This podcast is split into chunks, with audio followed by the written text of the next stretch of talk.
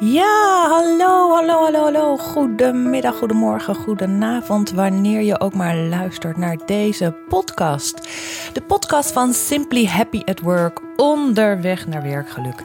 En ik ben nog altijd Martine Berends en ik deel in deze podcast de eye-openers die cruciaal zijn voor meer werkgeluk in jouw leven, op jouw kantoor.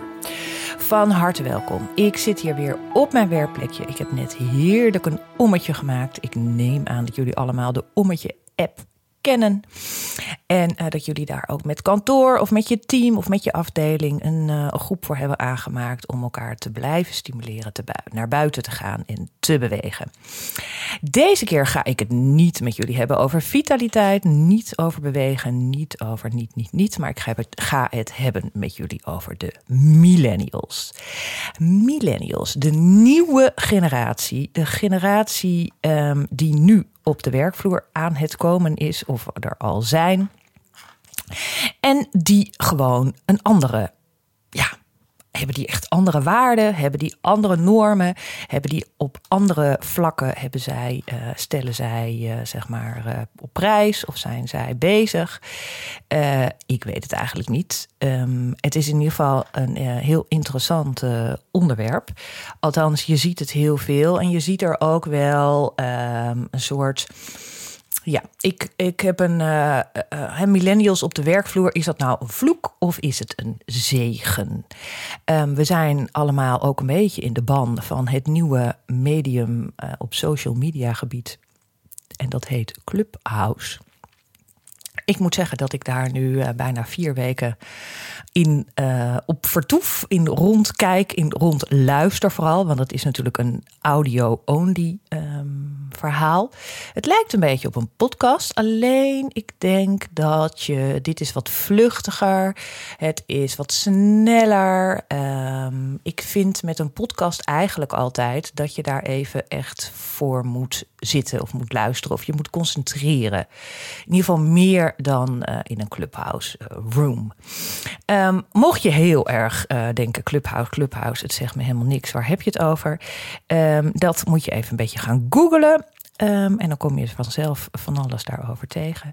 Als je zegt ik wil het heel graag en ik heb een iPhone en ik heb ook um, uh, de, de app al gedownload, dan uh, stuur mij dan even een berichtje. Want ik heb best wel wat invites, want het is invites only.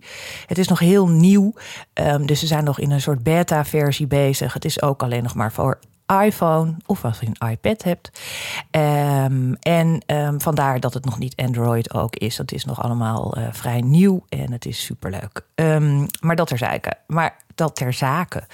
Um, maar het is wel grappig, want ik heb gisteren, als je naar deze podcast luistert, ik heb op woensdag 17 uh, februari heb ik daar samen met een millennial coach, Marion Gijsler, heb ik daar uh, een hele room over gehad. Uh, hoe het nou is met millennials op de werkvloer en of dat nou allemaal zo vreselijk is. En daar ga ik het met jullie over hebben. Want het is natuurlijk een, een beetje zo als je het heel kort en heel strak en heel tegen elkaar op opzet, dan is eigenlijk dat een millennial op kantoor die voelt zich een beetje ondergewaardeerd, niet erkend. En het management, dus een beetje de generaties die daarboven zitten, die vinden echt een beetje dat die millennials nogal onberekenbaar diva-gedrag vertonen. En uh, ja, daar kunnen ze niet zo goed mee omgaan. Dus dat is even in een hele korte notendop of in een notendop. Um, uh, kort het conflict, het generatieconflict op kantoor of op de werkvloer uitgelegd, samengevat. En uh, nu kan je natuurlijk vinden dat jij uh, als de generatie die boven de um, uh, millennials zitten, namelijk de generatie X, hebben jullie meegekregen, daar hoor ik ook bij. Uh, van nou, die millennials moeten zich maar aanpassen. Het gaat nu eenmaal zo. Zo zijn we dat nou eenmaal gewend. zo werkt het hier. En dat jij daar nog niet, nog niet aan gewend bent, dat is niet zo erg. Maar ga het maar leren. Um, en aan de andere kant denken die millennials natuurlijk kijken zich, die kijken waarschijnlijk naar die oude taart en naar die oude meningen. Zeggen van ja, jongens, dit uh, is helemaal niet uh, uh, wat ik. zo ga ik het helemaal niet veranderen. Ik ben helemaal niet van plan om me daarin aan te passen. Nou, um, misschien is het wel even goed om um, als je naar al die generaties gaat kijken om even een beetje een soort beeld te schetsen van welke. Ja, eigenlijk hebben we nu te maken met vier generaties op de werkvloer op kantoor. Ehm, en dat gaat natuurlijk een beetje een tijd zo lang eh, blijven, omdat die pensioenleeftijd natuurlijk lekker aan het uh, opschuiven is. Uh, en dus we er lekker vaker en langer met elkaar door blijven werken. En dus komen die vier generaties komen op elkaar tegen op kantoor. We hebben natuurlijk de generatie, de babyboomers. Dat is een beetje de generatie die na de oorlog uh, is geboren. Die zijn nu 57 jaar en ouder. En uh, die kijken natuurlijk echt wel een beetje tegen hun pensioen aan. Hoewel, als je 57 bent, dan uh, heb je nog echt wel nou, een kleine 10 jaar zeker nog te gaan. En deze generatie, de babyboomers, hebben kenmerken meegekregen als overtuigingskracht en mensgerichtheid. Dan de generatie die daaronder komt, de generatie X. Dat is de leeftijd van 37, uh, 57. En dat is natuurlijk nu de generatie die in het bedrijfsleven en op kantoren en uh, ja, die hebben het een beetje voor het zeggen. Dat is natuurlijk nu uh, het management, de directeur, de dingen. Dat, dat is een beetje deze groep, de generatie X. En uh, die zijn uh, over het algemeen heel ambitieus. En um, zij zijn een beetje aan het zoeken, veel meer aan het zoeken dan die babyboomers, naar de balans tussen uh, werk en privé. Daarna komt natuurlijk de interessante generatie, namelijk de millennials. Generatie I heet die. En dat is dus de leeftijd 2337. Dus een aantal, dat zijn uh, de beginnende advocaatstagiaires bijvoorbeeld, of de co-assistenten in het kantoor op, uh, in het ziekenhuis. Uh, nou, de consultants, een beetje de, ja, de, de generatie die afgestudeerd is en aan banen zoeken. Sommigen zijn natuurlijk, die zijn de oudere generaties millennials, die zijn al een jaar of 37. Dus die zitten ook al een beetje tegen zo'n hogere managementfunctie aan te hikken. En de generatie I, dus de millennials, hebben ook een duidelijk stempel meegekregen. En uh, die hebben behoefte aan flexibiliteit, zijn ik denk vooral in de ogen van de generatie I heel erg bezig met de BV-ik. En ze hechten heel veel waarde aan groei en ontwikkeling. Ik neem even een slokje thee. Moet ook gebeuren. En daarna is de generatie Z. Ben benieuwd welke cijfer we daarna weer gaan bedenken. Want dan zijn we aan het einde van het alfabet gekomen. Uh, maar dat terzijde. En de generatie Z is dus onder de 23. Dus dat zijn een beetje de studenten, de mensen die stage lopen. Die mensen die aan het afstuderen zijn. Of op, op scholen zitten, op universiteiten zitten. Die, kom, die nieuwe generatie komt eraan. Nou moet ik heel eerlijk zeggen dat ik denk, even een, een soort nuancering vooraf, dat eigenlijk, um, kijk, die generaties zijn natuurlijk ook maar ergens zo bedacht, bij wijze van spreken. En um, het, is, het heeft natuurlijk, de ene is natuurlijk altijd een reactie op hetgeen wat daarvoor was. Hè. Dus dat, uh, en het gaat natuurlijk ook als een vrij geleidelijk uh, iets. Het is niet zo dat opeens die millennials hebben bedacht: wij vinden uh, purpose heel belangrijk. Wij willen heel erg een soort bijdrage leveren aan deze ehm, maatschappij. En dat de generatie X, die daar dus voor zit, had gezegd: van nee, wij vinden de werk- en privébalans. Dus als ik zelf kijk naar mijn eigen opvoeding, dan is mijn vader duidelijk een babyboomer. En mijn moeder was thuis, mijn vader werkte heel hard. Zorgde ervoor dat wij uh, het heel goed hebben uh, gehad. En um, ja, werk-privé-balans. Uh, ik heb geen idee. Ik denk dat dat in, in de vocabulaire van mijn vader totaal niet voorkwam. Ik weet wel dat mijn moeder mijn vader echt wel heeft gedwongen om elke dag om zes uur thuis te eten met het gezin. En aan tafel te zitten en gewoon even familietijd te hebben. Um, en ik, mijn vader heeft daar ook altijd wel heel goed naar uh, geluisterd. Dus, um, maar ik denk dat mijn, als mijn moeder daar niet uh, zo strak op was geweest, dat hij dat misschien minder had gedaan. Ik moet wel zeggen dat zodra het eten op was en uh, alles opgeruimd was, dat hij meteen zijn werkkamer weer in rende. Uh, maar goed, we hadden even als gezin in ieder geval uh, dat een momentje aan tafel uh, s'avonds zeker gehad. Maar goed, maar op, het, over, op dit moment hebben we te maken met die millennials. Dus ik wilde even een soort nuancering maken vooraf omdat ik denk dat we elke keer te maken hebben met een soort van generatieverschil. En in sommige gevallen willen mensen dat heel graag een generatiekloof noemen.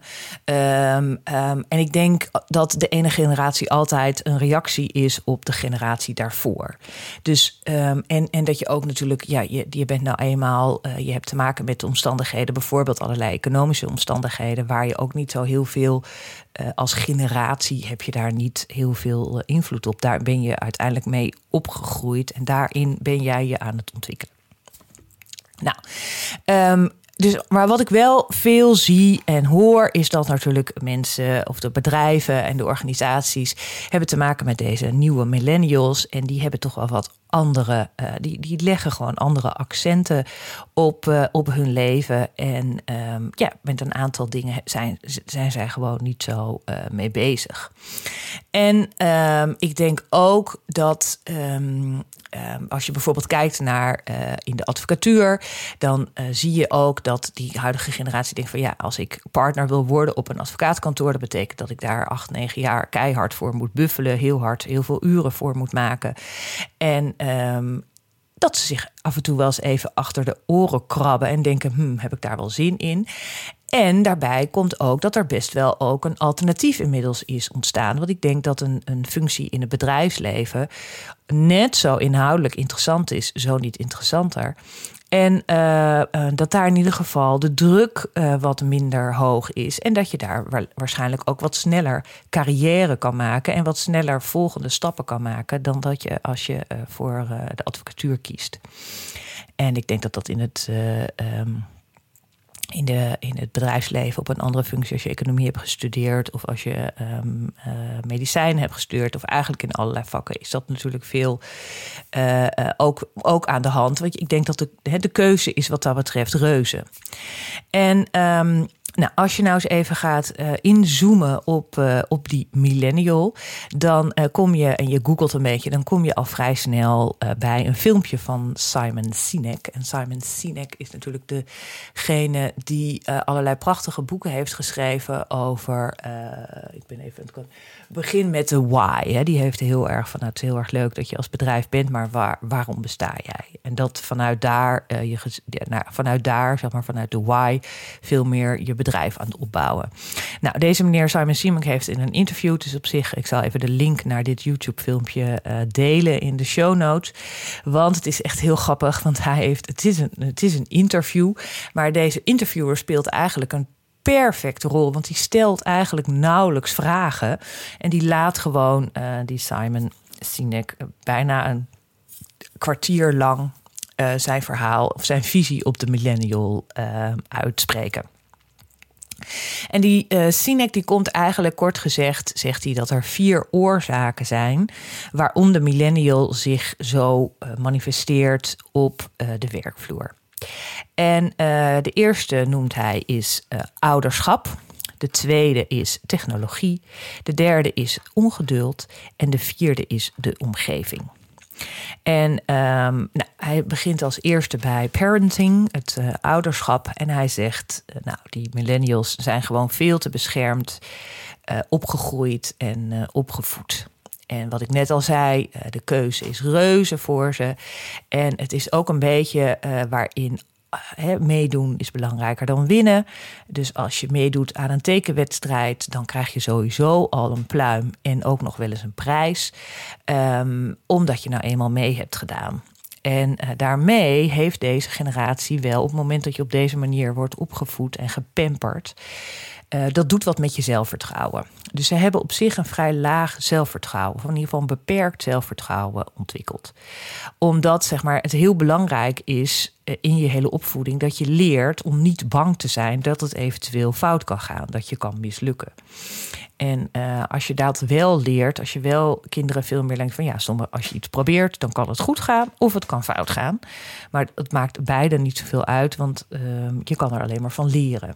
En op het moment dat je iedereen maar stimuleert en een soort participatieprijs al krijgt voor het feit dat je een tekening hebt ingeleverd, ja, dan, dan is daarmee leer je niet meer dat, dat ook die tekening heel lelijk kan zijn. Of niet gelukt kan zijn. Nou, dus dat noemt hij als uh, uh, een van de oorzaken waarom uh, de millennials zich gedragen zoals ze zich gedragen. Een tweede punt is dat deze millennials natuurlijk heel erg zijn opgevoed met de technologie. En uh, nou denk ik dat die generatie Z die eraan komt, die is bij wijze van spreken natuurlijk geboren met een mobiel in hun hand. En deze millennials hebben natuurlijk, die hebben deze hele ontwikkeling van bijvoorbeeld de beeldschermen en de technologie en de mobiele phone en het feit dat je dat ding, dat, dat, dat je alles kan met dit ding. Um, en het soort lifeline is met je hele, met je hele leven dat dat natuurlijk wel ook in deze generatie eh, steeds, uh, ja, dat dat echt wel heel prominent aanwezig is. En dat je ook ziet dat mensen een beetje verslaafd raken aan die mobiele telefoon of aan beeldschermen überhaupt. En uh, die uh, Sinek zegt dus van ja, dit, dit, dit hele gebeuren, maar dat is natuurlijk hoe die hele social media ook is opgezet en ingebouwd, is dat daar natuurlijk een vorm van dopamine vrijkomt. Hè? Dus bij elk likeje wat je krijgt op je foto op Instagram, dat dat geeft even een soort shotje dopamine. En op een gegeven ogenblik word je soort van verslaafd aan het feit dat iedereen je foto's maar liked. Of dat ze je niet liken. Of ga je heel erg kijken wie er wel heeft geliked en wie niet. nou, dat, je merkt het al aan mijn stem. Daar, komt, daar kan enorm veel emotie eh, bij komen. En het is natuurlijk ook een constante sociale bevestiging die jij vanuit deze technologie continu krijgt. Um, en dat is een soort verdoving uh, die je ook daarmee um, veroorzaakt op het moment dat het een beetje stressvol is.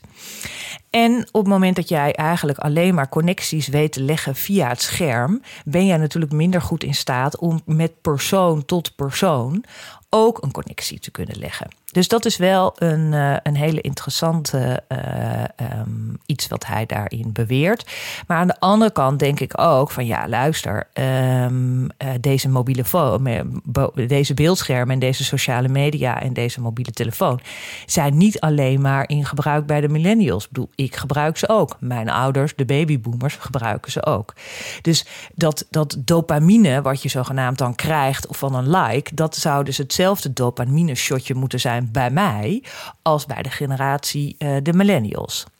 Nou, dus dat is een beetje een soort. Uh, ik probeer ook een beetje een soort kanttekening te maken elke keer bij deze um, Simon uh, Sinek, die daar de hele tijd mee, mee van doorgaat met deze theorie.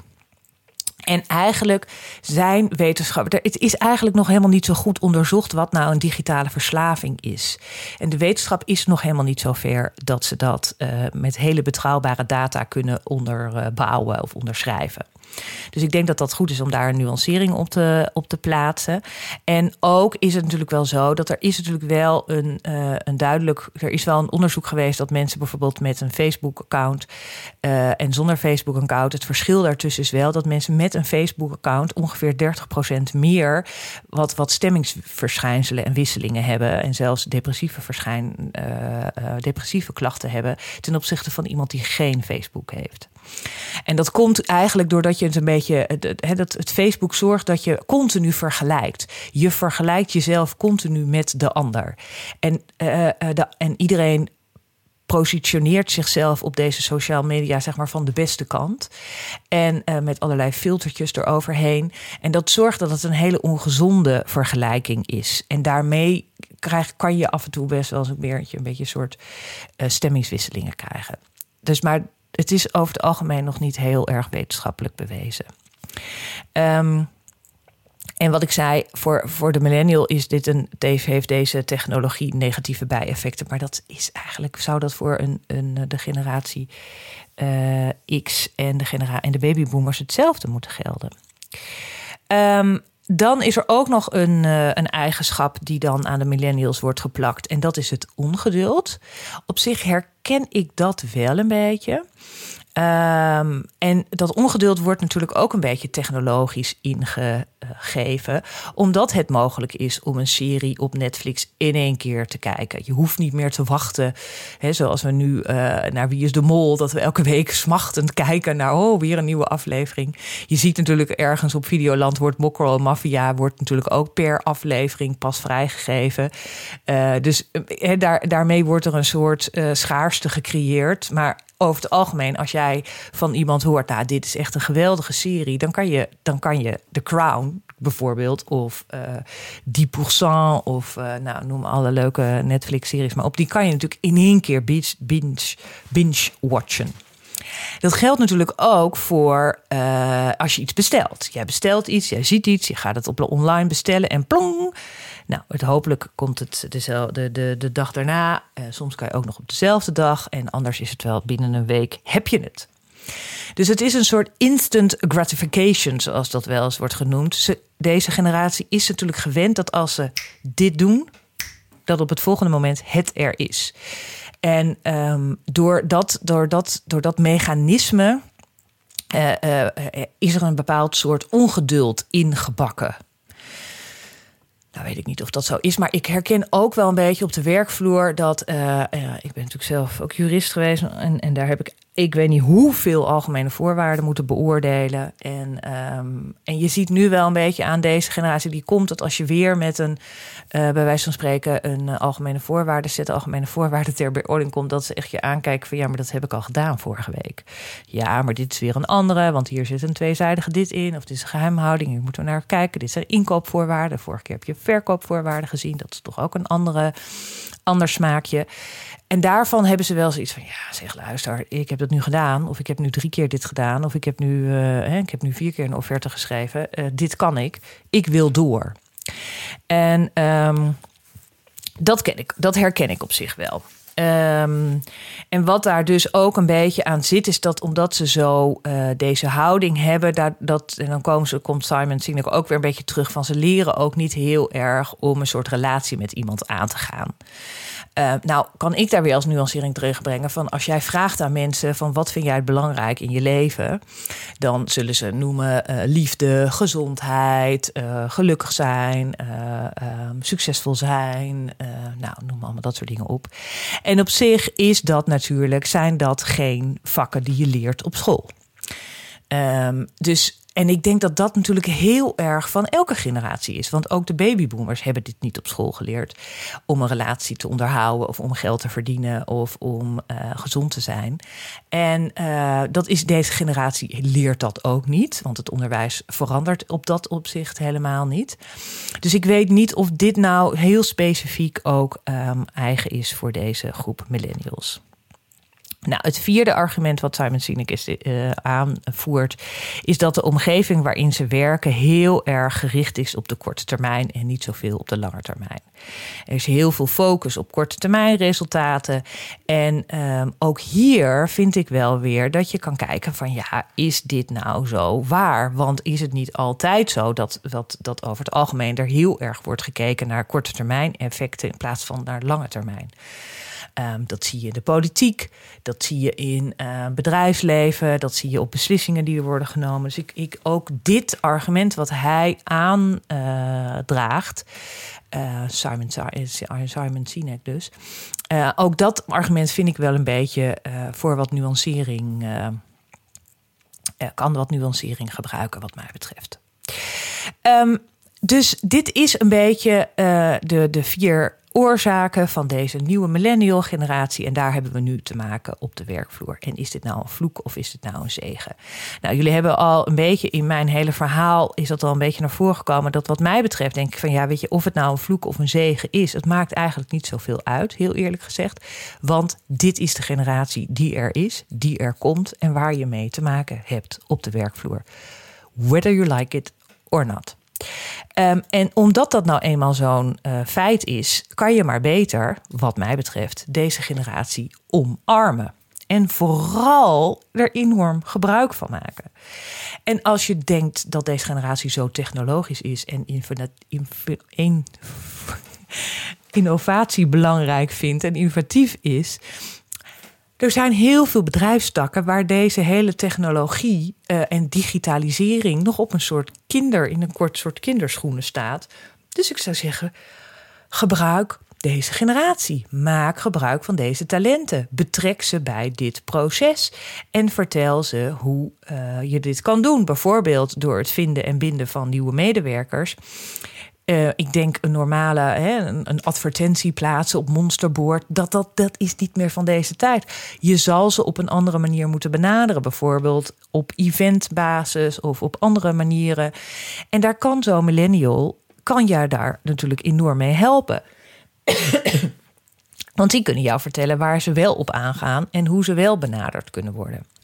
Dus ik zou zeggen, omarm deze mensen, omarm deze generatie, want deze generatie gaat het voorlopig voor jou doen. En je kan ze maar beter met je meekrijgen dan, dan, dan ze vertellen hoe ze het zou moeten doen, omdat jij dat altijd zo hebt geleerd.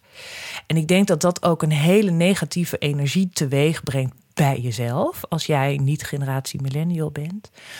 Het gaat jou heel veel energie kosten om deze mensen te overtuigen van het feit waarom jij doet zoals, het, zoals jij het doet, omdat je dat nou eenmaal zo hebt geleerd. Ik denk dat je veel meer energie uh, gaat krijgen op het moment dat je zegt: Oké, dit is zoals ik het heb geleerd, dit is zoals ik het altijd doe, maar jij hebt kennelijk daar andere ideeën over. Vertel. Vertel mij waarom jij iets anders wilt, of vertel mij waarom jij het anders wil uh, zien of gaat doen. Dus ik denk dat dat veel uh, handiger is. En dat heeft natuurlijk misschien in het begin kost je dat een beetje tijd, omdat je ze daar. Maar je kan ze daarbij ook vertellen waarom jij doet waarom je doet. En je kan hun ook weer mee, je kan hen ook weer meenemen in dit hele uh, verhaal. Um, dus het is natuurlijk ook wel zo um, uh, dat, dat je kan ook kijken naar, dat, naar, de, uh, naar een soort neoplasticiteit eraan kijken en naar de hersenen gaan kijken. Want dat, dat brein van ons dat is natuurlijk al uh, 40.000 jaar lang onverantwoord gebleven. En nog altijd ingericht op het feit dat wij um, goed moeten ageren als de sabeltandtijger op ons afkomt die al jaren niet meer op ons afkomt. Maar toch, daar, zo is ons hersenen zijn wel ingedeeld. Je bent lui omdat je wacht een alert, omdat je wacht op die aanval. En aan de andere kant kan je heel af en toe even een soort sprintje trekken, omdat je eenmaal uh, dat moet gebruiken om, uh, om het van je af te slaan. Dus met andere woorden, maak daar gebruik van. En vooral ook van hun technologische uh, um, kennis. Want die is absoluut beter dan, uh, dan de andere generatie dat uh, heeft. Um, Um, dus ja, wat je ook een beetje. Oh ja, en wat ik ook heel belangrijk vind, en dat is denk ik voor heel veel bedrijven ook echt wel uh, interessant, is dat um, de millennial veel meer uh, waarde hecht aan uh, purpose-driven organisaties. Dus zij zijn veel meer geïnteresseerd in waarom doe jij als bedrijf waar, wat je doet. En uh, of dat nou zit in je missie of in je visie of in een purpose, uh, dat, dat kan je allemaal op één hoop gooien. Je kan het ook als drie verschillende termen eh, zien en bedingen. Maar uiteindelijk gaat het erom van dat jij heel goed weet als bedrijf waarom bestaan wij. Waarom doen wij wat we doen? En ook daarmee, waarom zijn wij dus anders dan uh, een ander bedrijf of een concurrent of wat dan ook? En deze generatie millennials hecht daar heel veel waarde aan. Die willen gewoon heel graag een bijdrage leveren. Die zijn, natuurlijk willen ze ook geld verdienen met wat we doen, want ambitie hebben ze absoluut. Ze zijn hele harde werkers, dat mag ook wel eens gezegd worden. En um, maar uh, ze willen ook heel graag uh, duidelijk weten waarom ze doen. En ik denk dat bij heel veel bedrijven dat je daar ook een hele mooie slag kan maken om nog eens even deze visie en missie die je als bedrijf waarschijnlijk ooit een keertje hebt opgesteld, er nog eens bij te pakken en met een groepje millennials het dan nog eens tegen ze aan gaat houden en zeggen van hé, hey, wat vinden jullie hiervan? Want vaak is zo'n missie of visie bestaat best wel wat van die holle frases, want je bent transparant en je wilt uh, de klant heel goed bedienen en je bent, nou wat je nog allemaal van dat soort, uh, ja, toch een beetje wat mij betreft, uh, dingen die, op, die je op iedereen van toepassing uh, kan verklaren. Maar ik denk dat de millennials daar veel meer jou in um, kunnen helpen. Door dat eens even wat scherper weer te formuleren. En op het moment dat je dat wat scherper hebt geformuleerd, zal je ook zien dat die millennial zich daar veel beter toe kan uh, verhouden. En daar dus ook veel meer um, voor kan doen. Hè? Dus ook veel meer betekenis daarvoor kan ehm, kan hebben. Dus ook op dat vlak zou ik zeggen: maak gewoon fijn gebruik van deze generatie. Um, Millennials, een vloek of een zegen? Ja, voor mij betreft is het, uh, uh, ja, het is een leuke stelling. En het is natuurlijk uh, het bek lekker en het trekt de aandacht. Um, maar, maar, ik zou zeggen, omarm het gewoon. Het is het, deze generatie is er nu eenmaal. Ze zijn opgegroeid uh, in de omstandigheden, in het economische tij en in de omstandigheden waar ze nou eenmaal mee op zijn gegroeid. Dat kunnen we niet meer veranderen. Um, en je kan ook niet de opvoeders daarvan de schuld geven, want ook dat is al in dat hersentje allemaal uh, geprogrammeerd. Dus ik zou zeggen, omarm het en maak er vooral gebruik van. Het ze hebben ook heel veel mooie eigenschappen waar je ontzettend veel voordeel uit kan halen.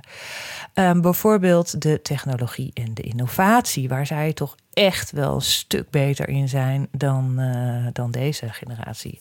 Ik kijk ook vooral naar mezelf, want ik, ik beschouw mezelf toch best wel als handig. En ik snap het toch altijd wel, maar ik moet toch heel vaak de laatste tijd aan mijn beide dochters vragen of ze me even kunnen helpen met dit en dat, omdat zij dat gewoon veel beter snappen.